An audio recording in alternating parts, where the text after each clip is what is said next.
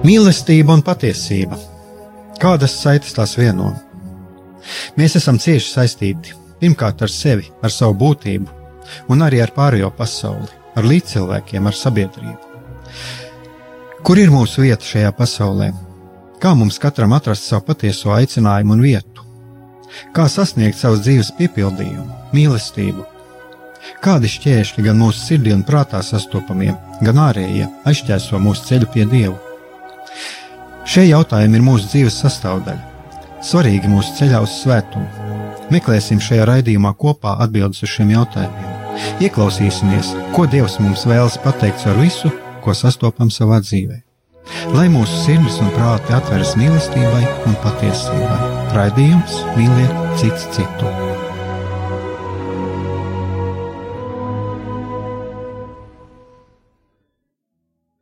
Esiet sveicināti, darbie radioklausītāji. Šis ir raidījums Mīliet cits citu.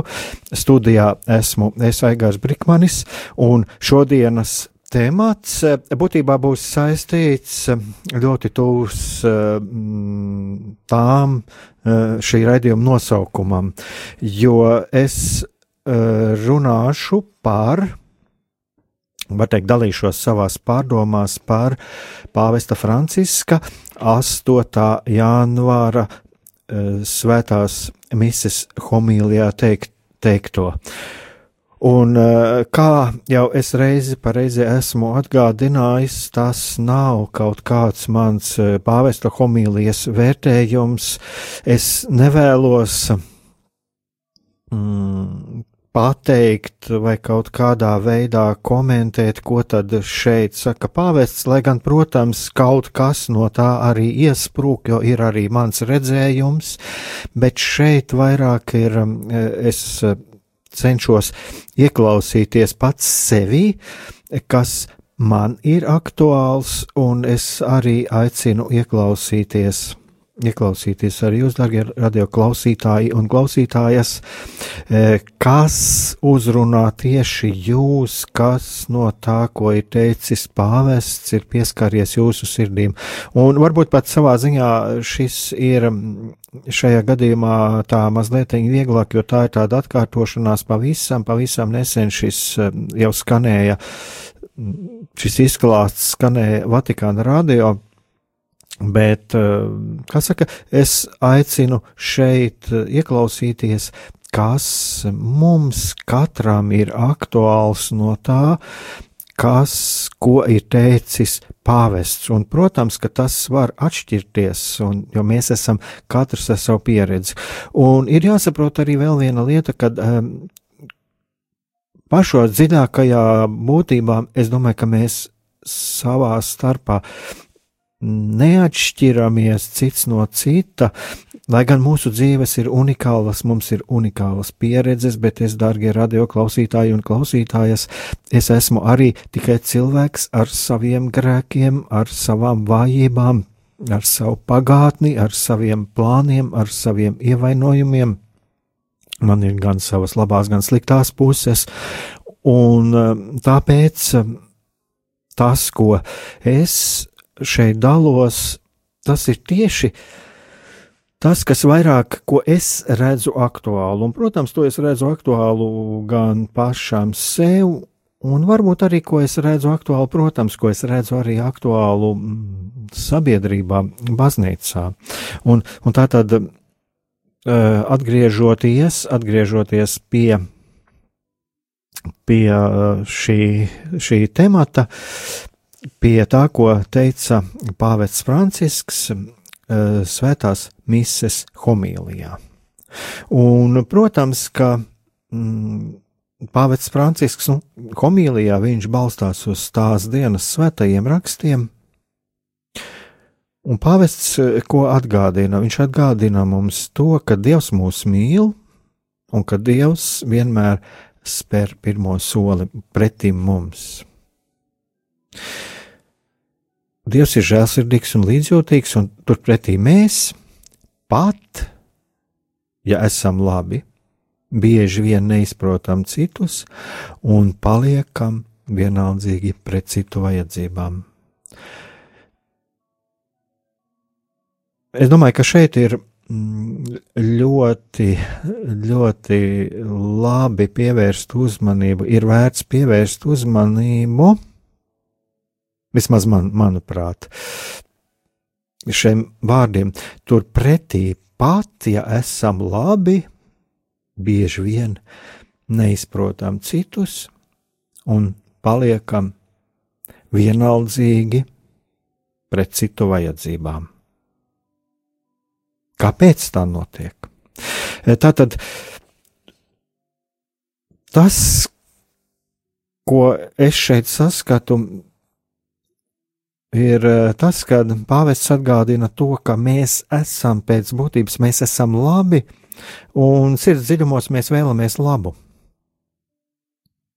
Bet kaut kas, kaut kas ir tāds, kad mēs neieklausāmies citos, mēs neizprotam citus, paliekam vienaldzīgi. Es mazliet pasteicos priekšā ar vārdu neieklausāmies. Uh, man tas pirmais, kas man nāk prātā, man nāk prātā gan laulāto attiecības, gan vecāku un bērnu attiecības, kur bieži vien cilvēks vēlas, vēlas ļoti labu, ļoti, ļoti vēlas labu otram, vai tas ir laulātais otram laulātajam vai vecāki bērniem, bet nav kontaktu cilvēku starpā nav šī kontakta, nav izpratnes, un cilvēki dzīvo ļoti ilgākus laiku attiecību krīzē, gan laulātie savā starpā, gan, gan vecāki ar bērniem. Bet to pašu mēs varam attiecināt arī uz sabiedrības locekļiem, uz attiecībām baznīcā, uz attiecībām sabiedrībā. Ka cilvēki, kuri vēlamies mēs labu, mēs vēlamies mūsu mērķi pēc būtības ir labi, mūsu vēlēšanās pēc būtības ir labas, bet mēs dzīvojam it kā citās pasaulēs. Mēs konfliktējam, mēs, um, mēs uh, ievainojam cits citu. Un, um, lūk, un šis jautājums ir, ko uzdod pāvests, kāpēc tā notiek? Un eh, pāvests eh, šeit uzsver to, ka eh, patiesībā tā viena no tādām lielākajām problēmām ir vienaldzība. Un jūs arī redzēsiet tālāk, es arī šeit, šeit pieskaršos tieši šim vienaldzības jautājumam. Viņš runā par vienaldzību. Un Ko saka pāvests? Pāvests saka, mīlēsim cits citu, jo mīlestība ir no dieva. Un um, pāvests arī runā, nu tas ir arī mūsu šim um, Ziemassvētku laikam tāds uh, aktuāls temats. Viņš atkal atgādina to, ka pret mums dieva mīlestība parādījās, jo no svētajiem rakstiem citējot, viņš saka, Dievs sūtīja pasaulē savu vienzimušo dēlu, lai mēs dzīvotu caur viņu. Tas ir mīlestības noslēpums. Tie ir pāvesta vārdi. Dievs pirmais mūs mīlēja, viņš spēra pirmo soli. Un lūk, pāvests saka, ka Dievs spēr soli pretī cilvēcei, kura neprot mīlēt, kurai ir vajadzīgi dieva glāsti, lai varētu mīlēt. Šis pirmais solis ir viņa dēls. Dievs sūtīja pasaulē savu dēlu, lai mūs izglābtu, no jauna radītu, atjaunotu un piešķirtu mūsu dzīvē jēgu. Tas ir tas, ko saka pāvests. Tā tad būtībā tas, ko es šeit saskatu, ka Dievs ir pirmais tas, kas nāk, spēr, spēr pretī soli mums, un būtībā Dievs atsaucās uz, uz mūsos ielikto vēlmi būt mīlētiem. Un es pat teiktu arī mē, vēlmi būt uzklausītiem, vēlmi būt saprastiem. Un es domāju, ka te ir jāpadomā arī par to, vai mēs paši sevī neapslāpējam šo vēlmi.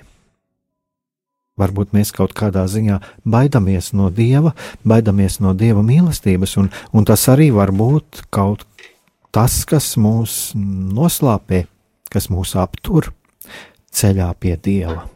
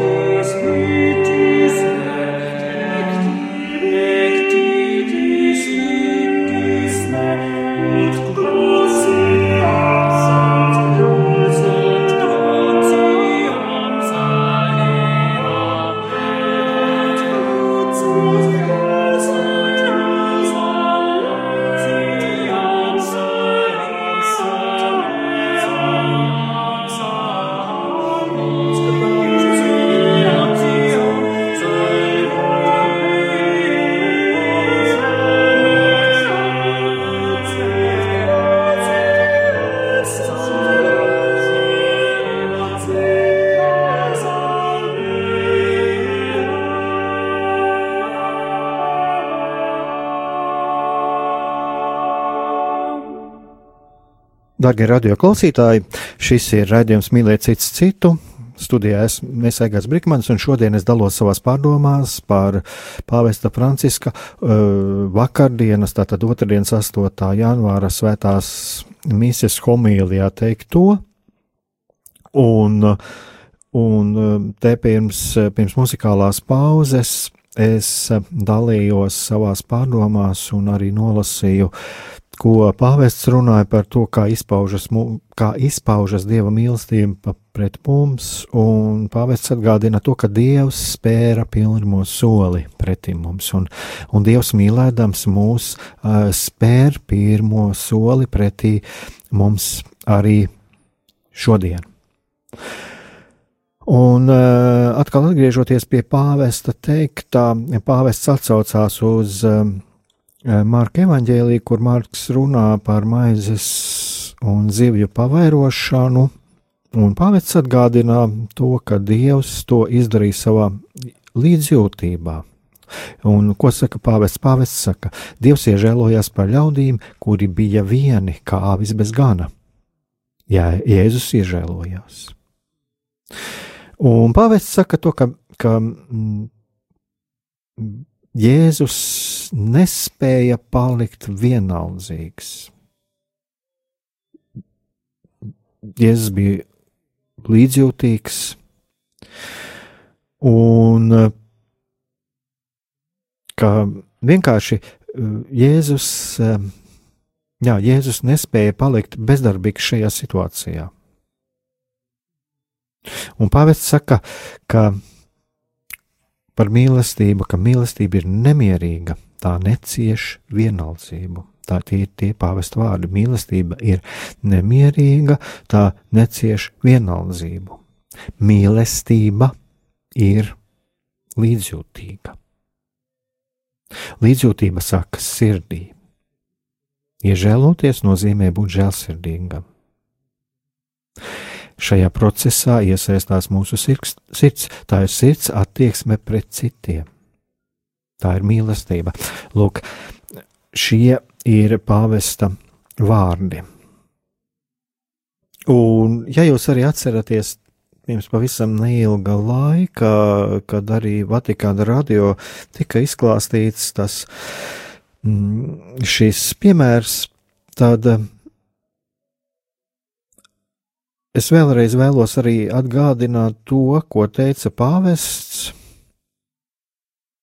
Un pāvests runā par to, ka pēc tam, kad Jēzus bija mācījis ļaudis, tad mm, Jēzus mācekļi Jēzum sacīja: Šī ir nomaļa vieta un laiks jau vēls. Atlaid viņus, lai tie aizgājuši uz apkārtējām mājām un ciemiem, nopērk sev ko ēdamu.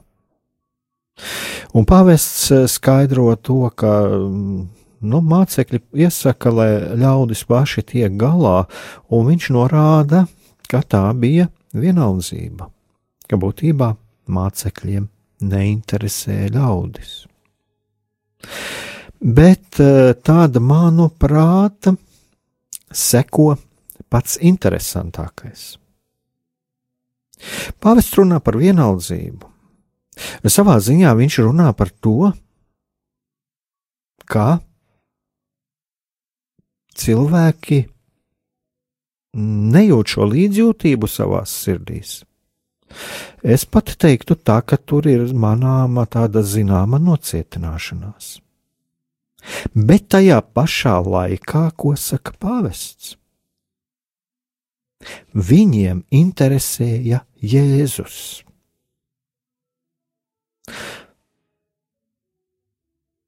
Tātad Cilvēkiem viņiem nebija izkopta šī līdzjūtība viņu sirdīs. Viņi bija kaut kādā veidā aizvērušies pret šo apkārtējo cilvēku vajadzībām, bet viņiem interesēja Jēzus.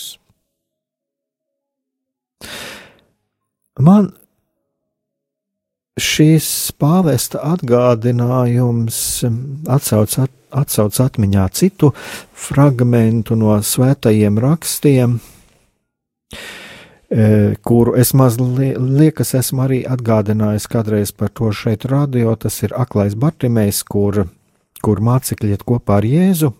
Un aklais, aklais Bartimējs sauc Jēzu, Jēzu, Dāvida dēls, apžēlojies par mani. Un ko dara mācekļi? Mācekļi, mācekļi šo Bartemēju apsauc.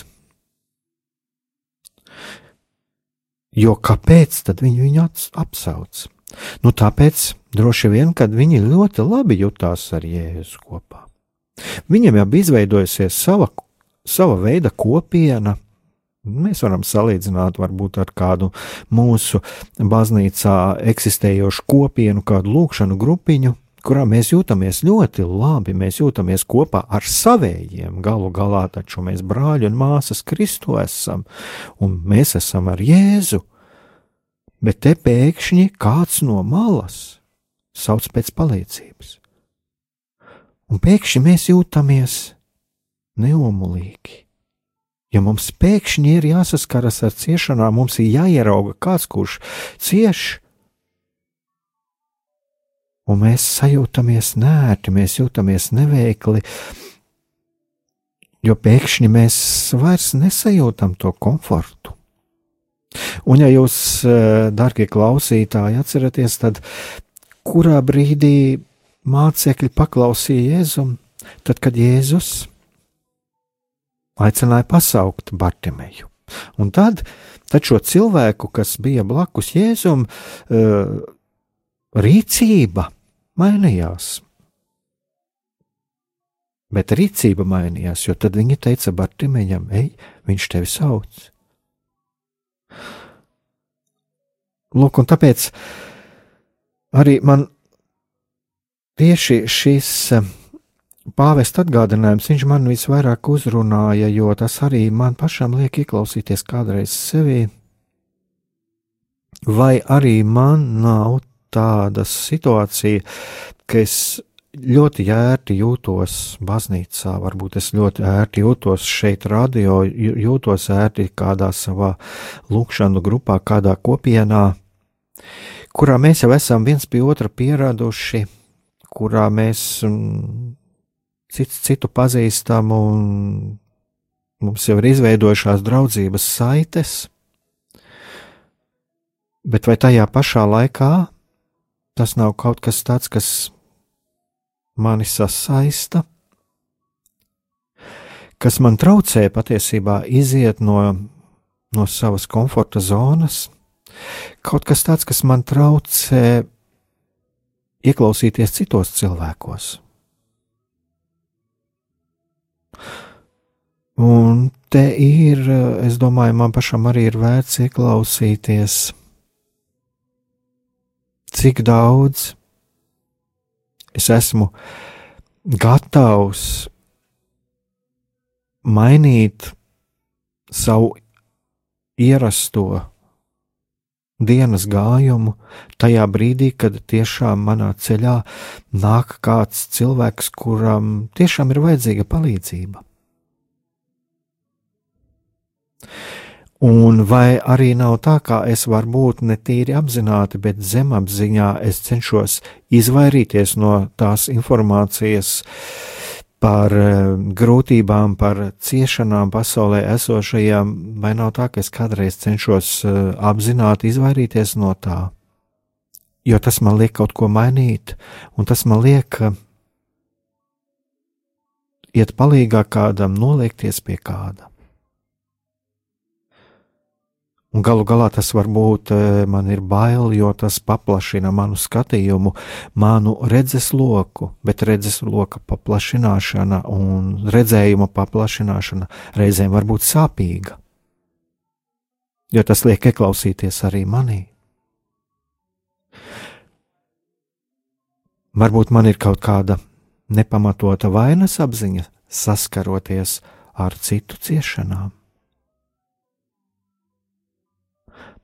Bet varbūt man vienkārši negribas iziet no savām vērtībām. Jo tad man ir jāsaskaras ar otra cilvēka sāpēm, ar otra cilvēka ievainojumu. Varbūt man ir jāredz kaut kas, kas um, tīri neatbilst manam estētiskajam priekšstatam. Lūk, es domāju, ka šeit eh, gan man pašam šajā situācijā, gan daudziem no mums ir viela pārdomām. Tāpat kā viela pārdomām par to, vai saskaroties ar šādu tekstu, saskaroties ar to, ko saka pāvests, vai manā dzīvē, vai manā attieksmē pret sevi, pret citiem kaut kas mainīsies? Vai varbūt šī homīlija, tāpat kā bieži vien arī svēto rakstu fragmenti, ko es izlasu, ko mēs dzirdam, tajā brīdī mums kaut kas uzrunā, bet tālāk mūsu ikdiena, mūsu ieradums, arī mūsu komforts kaut kādā veidā to mūsu apslāpē un apslāpē to, kas mūsu sirdīs jau bija, bija tajā brīdī, kad mēs esam lasījuši, kaut kas ierunājies. Bet ikdiena un mūsu pašu ieradums, manis paša ieradums, mani atkal ievelk atpakaļ vecajās sliedēs. Un lūk, tieši tāpēc, manuprāt, ir šis, šis pāvesta teiktais, kas skan, varbūt e, dažreiz var likties pat neparasti, jo cilvēks saka, es esmu ar Jēzu. Bet vai patiesībā cilvēks ir ar visu sirdi ar Jēzu? Ja viņš neredz otru, viņš neredz šo otru sev blakus, ko, ko Dievs ir nolicis viņa priekšā. Un pāvests arī tālāk runā. Tātad pāvests saka, viņiem interesē Jēzus. Viņi nebija ļauni, bet viņi bija vienaldzīgi. Viņi nezināja, ko nozīmē mīlēt. Viņi nezināja ne to, kas ir līdzjūtība, ne arī kas ir vienaldzība. Un e, kā arī turpina pāvests, lai pa īstam izprastu, kas ir līdzjūtība un žēlsirdība, viņiem nāksies pakrist, jeb sagrēkot, atstājot savu mācītāju. Tā tad, tā tad, e, ja, ko šeit saka pāvests? Vai mēs varam būt kopā ar Dievu, ja mūsos nav šīs līdzjūtības un žēlsirdības? Vai mēs esam pasargāti no, no grēka, no tā grēka, kad mēs atstājam Dievu, atstājot savu mācītāju? Lūk, es domāju, ka šeit arī ir, mums ir par to ir vērts padomāt, un, un varbūt eh, es pats, būdams baznīcā, tajā pašā brīdī jau esmu atstājis savu mācītāju. Līdzīgi kā tie farizēji un rakstu mācītāji un garīgie līderi, kas toreiz, kad Jēzu nodeva, lai sistu krustā, patiesībā bija atstājuši Dievu. Jo pašā būtībā, zinot, kad nodod nāvei nevainīgu cilvēku, viņi neatpazina, ka tur ir Dieva dēls.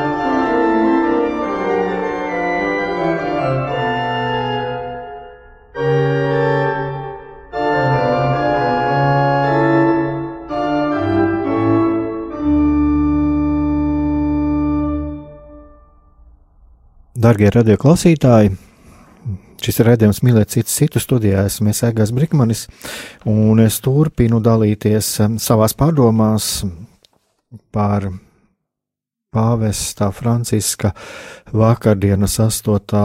janvāra rīta svētās mises homīlijā teikto. Un Es atkal atgādināšu jums, ka šeit nav, es neskaidroju pāvesta domas, bet tā ir tāda sava veida refleksija. Manas pārdomas un kādas pārdomas man izraisa šī, šī homīlija. Un būtībā tas, kas bija pirms, par ko es runāju, pirms šīs muzikālās pauzes, ir tas, kas man šajā homīlijā, man pašam personīgi visvairāk uzrunāja, tātad tas, ka šķietamā pretruna var būt daudziem kristiešiem, tas liekas pretruna, bet pāvests runā par to, ka viņiem interesēja Jēzus, viņi nebija ļauni, bet viņi bija vienaldzīgi ka lūk šī šķietamā pretruna, kur pēc būtības, kā runā pāvets, arī viņi neprata mīlēt, bet, bet viņiem interesē Jēzus. Es domāju, ka pēc, pēc būtības jau pati interese par Jēzu ir laba lieta. Bet eh, te es domāju, ka ir arī jāpaklausās mazliet, jāieklausās sevi. Es arī runāju par to pašu un par eh, mūsu kopienām. Un jāsaka tā, es pats eh, zinu, ka man es ļoti labi jūtos kopienās, grupās, kur mēs esam kā domu biedri, mēs kopā lūdzamies, kopā dalāmies, kopā slavējam Dievu jūtamies ļoti labi, un, un tas ir labi. Tas ir labi, ka, ka mums ir šāda vieta, kur patvērties, un, un ir kādreiz, kad es arī cilvēkus satieku, un kad viņi runā par savām kādām garīgām problēmām, vai viņi jūtās vientuļi. Es arī viņus kādreiz paaicinu pie mums, jo tas ir, un es domāju, ka tas arī ir viena no tādām funkcijām, lai cilvēks caur to ieietu baznīcā, lai viņš satiktu Dievu, lai viņš justos mīlēts Bet eh, vai ar to pietiek? Vai pietiek ar to, ka es lūdzos, ka es dalos ar šiem cilvēkiem, ar kuriem es esmu kopā, un es pateikšu tā, ka mēs esam cits citam ļoti daudz palīdzējuši, un tiešām palīdzējuši cits citam piecelties, un šie mm, cilvēki mm, dodas mājās daudz piepildītāki, tā mm, mīlestību saņēmuši, un es domāju, ka tas tālāk viņi arī šo mīlestību nes citiem. Mm. Bet, eh, jā, es saku, nes šo mīlestību citiem, eh, bet eh, vai tas tā vienmēr ir? Vai tas tā vienmēr ir? Tas attiecās tieši personīgi, es varu teikt, nu, uz sevi. Uh, Dievs darbojas, Dievs darbojas, un es domāju, ka Dievs darbojas, jo Viņš arī pārveido, pārveido mums, mūsu agri vai vēlu, ja mēs tiešām esam atvērti un ja mēs patiesi esam patiesi šajās eh, lūkšanu kopienās, šajās grupās, šajos, eh, kur mēs kalpojam cits citam. Bet eh, šeit es vairāk runāju tieši par to, Vai, vai tikai nav tā, ka bieži vien mūsu šīs kopienas uh, kalpo mums par kaut kādu patvēruma vietu, kas, protams, pats par sevi ir labi, bet uh, vai mēs aprobežojamies tikai ar to, vai arī vajadzīgajā brīdī mēs esam gatavi kalpot kādam citam? Un lūk, šeit es arī tālāk pieskaršos tam, un jūs varbūt arī atcerieties, arī pavests par to runā. Un tagad es atkal vēlos atgriezties tieši, tieši pie tā, ko runāja pāvests. Un pāvests runā par to, ka Jēzus vārdi ir radikāli. Un Jēzus saka saviem mācekļiem: dodiet jūs viņiem ēst. Un, kā pāvests saka, tad mācītājs grib teikt, lai viņi paši parūpējas par ļaudīm. Un te atklājas cīņa starp līdzjūtību un vienaldzību. Un pāvests atgādina arī to, ka tā ir cīņa, kas notiek visos laikos un kas vienmēr atkārtojas. Jo cilvēki ir labi, daudzi cilvēki ir labi, Daudzi cilvēki ir labi, bet neizprot citus un nesaskata citu vajadzības, tāpēc, ka viņu sirdi nav pārņēmusi dieva mīlestība. Ja viņi nav ļāvuši to pārņemt, tie ir pāvesta vārdi. Tātad daudzi cilvēki ir labi, bet neizprot citus un nesaskata citu vajadzības, tāpēc, ka viņu sirdi nav pārņēmusi dieva mīlestība, jeb viņi nav ļāvuši to pārņemt.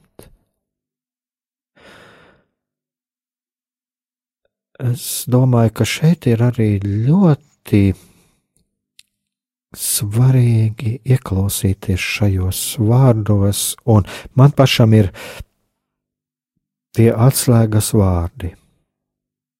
Neizprot citus un nesaskata citu vajadzības, tāpēc, ka viņu sirdi nav pārņēmusi dieva mīlestība, ja viņi nav ļāvuši to pārņemt. Ja jūs uh, atcerieties, gan manā raidījumā, gan arī citos raidījumos, arī šeit uh, no, no Radio Marija, ir uh, reiz reizē tiek atgādināts, ka cilvēks nav piedzīvojis mīlestību, viņam ir arī bieži vien ļoti grūti sniegt šo mīlestību citiem. Viņš ir noslēdzies gan uz iekšu sevi, gan, gan arī uz āru uz attiecībām uz citiem. Tātad viņš ir noslēdzies pret šo mīlestību, ko mums kāds grib dot, un viņš ir noslēdzies arī attiecībās ar citiem, un viņam ir bieži vien grūti sniegt tālāk to, ko viņš nav saņēmis. saņēmis. Bet šeit ir jautājums, ko pāvests runā par to, ka ja viņi nav ļāvuši to pārņemt. Un tagad es atkal aicinātu tā mazliet ieklausīties, vai arī mums nav kaut kādas situācijas, kur mēs vienkārši noslēdzamies, jo mēs nobīstamies no Dieva mīlestības, jo mums kaut kādas savas iepriekšējās pieredzes dēļ ir bailes atvērties mīlestībai, un mums ir bailes uzticēties gan cilvēkiem, gan arī dievam, varbūt. Lūk, bet šeit pāvests par to saka. Viņš uzrāda, uzrāda šo problēmu, ka cilvēki nav ļāvuši sirdim pārņemt uh, lai sirdis pārņem, lai viņu sirdis pārņem dieva mīlestība. Un uh, pēc būtības šis cilvēks ir labs. Bet viņš neizprot citus un, un nesaskata citu cilvēku vajadzības. Jo sirds ir aizvērta pret dieva mīlestību. Pāvests atsaucas, ja jūs arī, kas esat klausījušies Vatikāna radio, pāvests atsaucas uz kādu fotografiju, kas, eh, ko viņš runā par eh, Vatikāna labdarības biroja telpā pie sienas, kurā ir redzams kāds bezpajumtnieks un, un ļaudis, kas izvairās no viņa skatiena, un uh, tur ir redzams, kā silti, apģērbušies, pēduši un apmierināti cilvēki iet ārā no restorāna, Un turpat ir redzams bezpajumtnieks, kurš sēž uz zemes un lūdz monētu, kā, lūdz kādu monētu. Un šie ļaudis iet garām un cenšas skatīties uz citu pusi. Un pāvests to nosauc par vienaldzības kultūru. Tā tie pāvesta vārdi, tā ir vienaldzības kultūra. Tāpat rīkojās Jēzus mācekļi, sakot, lai ļaudis paši iet meklēt sev kaut ko ēdamu. Pāvesta vārdi, tie ir tie pāvesta vārdi. Un vēl ko pāvests saka: Atlaid, lai viņi iet tumsā, izsalkuši, lai paši tiek galā. Tā ir viņu problēma. Un te pāvests saka, ka Dievs savā mīlestībā vienmēr spēr pirmo soli. Tā ir līdzjūtīgā un žēlsirdīgā mīlestība. Un Pāvils atgādina arī to, ka mīlestības pretstats ir, protams, ir naids, bet um, cilvēki to neapzinās, un cilvēki ir vienaldzīgi. Tātad šeit nav īsti runa par naidu, kā par mīlestības pretstatu, bet runa ir par vienaldzību. Bet kā jau arī sākumā runājām, ko arī teica pāvests, ka mīlestība ir nemierīga, tā necieš vienaldzību, no mīlestība ir līdzjūtīga. Ir ļoti interesanti, ka Pāvils saka, mīlestība ir nemierīga. Tātad, e, ja mūsos ir mīlestība, tad mēs nesajutīsim nekādu mieru, ja mēs e, redzēsim, ka kāds cilvēks cieš un mēs gribēsim viņam palīdzēt. Tā būs mūsu, mūsu dziļākā vēlme. Ja mūsos ir šī mīlestība, tad mēs nebūsim vienaldzīgi, tad būs šī līdzjūtība.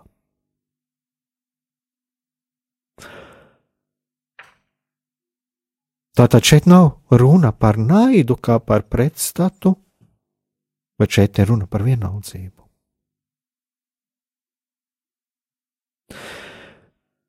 Un ko saka pāvests, ko tās ir arī šeit, ir te, pāvesta teiktie vārdi, Visparastākais dieva mīlestības un līdzjūtības pretstats ir vienaldzība. Kā jūs redziet, mēs varbūt varam arī pamanīt, tur pāvests nerunā par naidu, bet viņš runā par vienaldzību. Naids kā kāda tāda radikāla izpausme, manuprāt, tas ir mans viedoklis, mans redzējums, manuprāt, naids pats par sevi mm, nav nemaz tik izplatīta parādība. Jā, ja mēs paskatāmies, ir ļoti interesanti paskatīties, kāda ir piemēram sabiedrības reakcija tad, kad tiešām ir noticis kaut kāds noziegums vai ir pastrādāts nu, kaut kas ļoti ļauns. Tad mēs varam redzēt um, cilvēku reakciju, cilvēki ir sašutuši, cilvēki protestē. Cilvēki ir gatavi aizstāvēt to, kas cieš.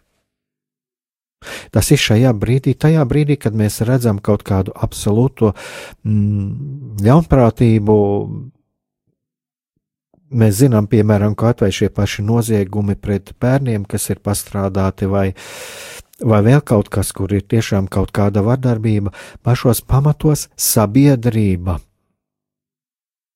ir par to sašutusi. Tātad sabiedrībā tajā brīdī pamostās tā līdzjūtība. Bet uh, tie šie gadījumi, ko mēs saskaramies, kur ir uh, tiešām, kur notiek kaut kas acīm redzams, kaut kāda acīm redzama mm, ļaunprātība. Bet kā ir tajā gadījumā, kad kāds blakus klusu cieš? Ja mēs paskatāmies arī šo gadījumu, kas ir šeit, šajā svēto raksta fragmentā, mācekļiem jau patiesībā ir ļoti racionāls uh, aprēķins. Šie cilvēki taču paši var aiziet un nopirkt to, kas viņiem ir vajadzīgs. Tad, kad mēs redzam šo cilvēku, kas uh, lūdz naudu, mēs arī sakam, viņš pats var aiziet Viņš pats var aiziet, nopelnīt naudu, viņš pats var aiziet. Um, mums, mēs, mēs esam racionalizētāji, un mēs vienmēr atrodam racionālu izskaidrojumu. Bet šeit es arī negribu uzreiz aicināt, um, kad mums ir jādod katram ubagotājam nauda. Es runāju par to, ka mums ir vajadzīgs ieklausīties viņā.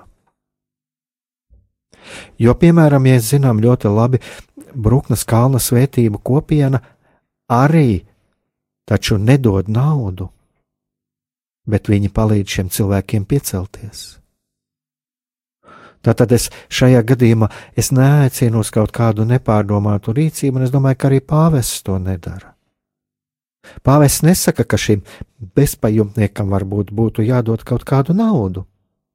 Es neesmu šo fotografiju redzējis, bet pāvests runā par to, ka šie ļaudis, kas iet garām, cenšas vērst savas acis projām. Tātad viņi nevēlas saskaties ar bezpajumtnieku skatienu. Lūk, pāvests runā lai tikai viņu skatieni nesastaptos ar šī bezpajumtnieka skatienu. Jo sastapties ar skatienu jau nozīmē ieraudzīt cilvēkā kaut ko vairāk, un caur skatienu jau sākās dialogs, un varbūt šis cilvēks var kaut ko mums pateikt.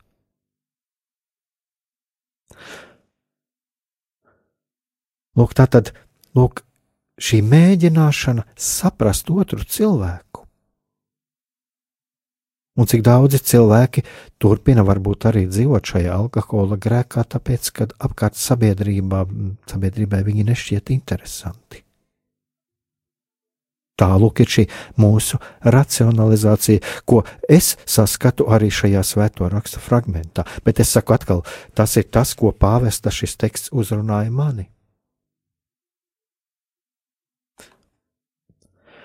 Pāvests runā par to Tātad pāvesta vārdi. Visparastākais dieva mīlestības un līdzjūtības pretstats ir vienaldzība. Un noslēgumā es vēlos noslēgt ar to, ko saka pāvests. Es domāju, ka es varu to daudzreiz attiecināt uz sevi. Tātad, ko saka pāvests? Es esmu apmierināts, man nekā netrūkst, man viss ir. Esmu nodrošinājies gan šai, gan arī mūžīgajai dzīvei, tāpēc, ka katru svētdienu eju uz misi, esmu kārtīgs kristietis. Bet izējot no restorāna, skatos uz citu pusi. Padomāsim, Dievs spēr pirmo soli. Viņš ir līdzjūtīgs un žēlsirdīgs, bet mēs bieži vien esam vienaldzīgi. Lūksim, lai Kungs dziedina cilvēci, sākot ar mums pašiem lai mana sirds tiek izdziedināta no šīs slimības, kas ir vienaldzības kultūra.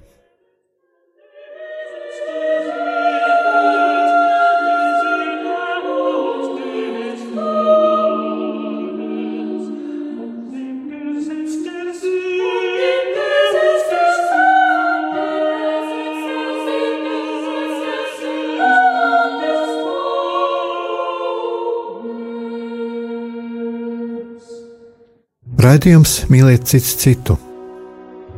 Dievam nav nērtu tematu. Šajā raidījumā cenšamies runāt par visām norisēm, kuras skar vai var skart mūsu dzīvi. Runājam par pagātni, par šodienu un par nākotnes iespējām. Kopā meklējam patiesību un cenšamies gūt cerību un stiprinājumu sev un citiem. Klausieties mūsu katru trešdienu, pulksten 16. Raidījuma vadītājs Aigars Brikmanis.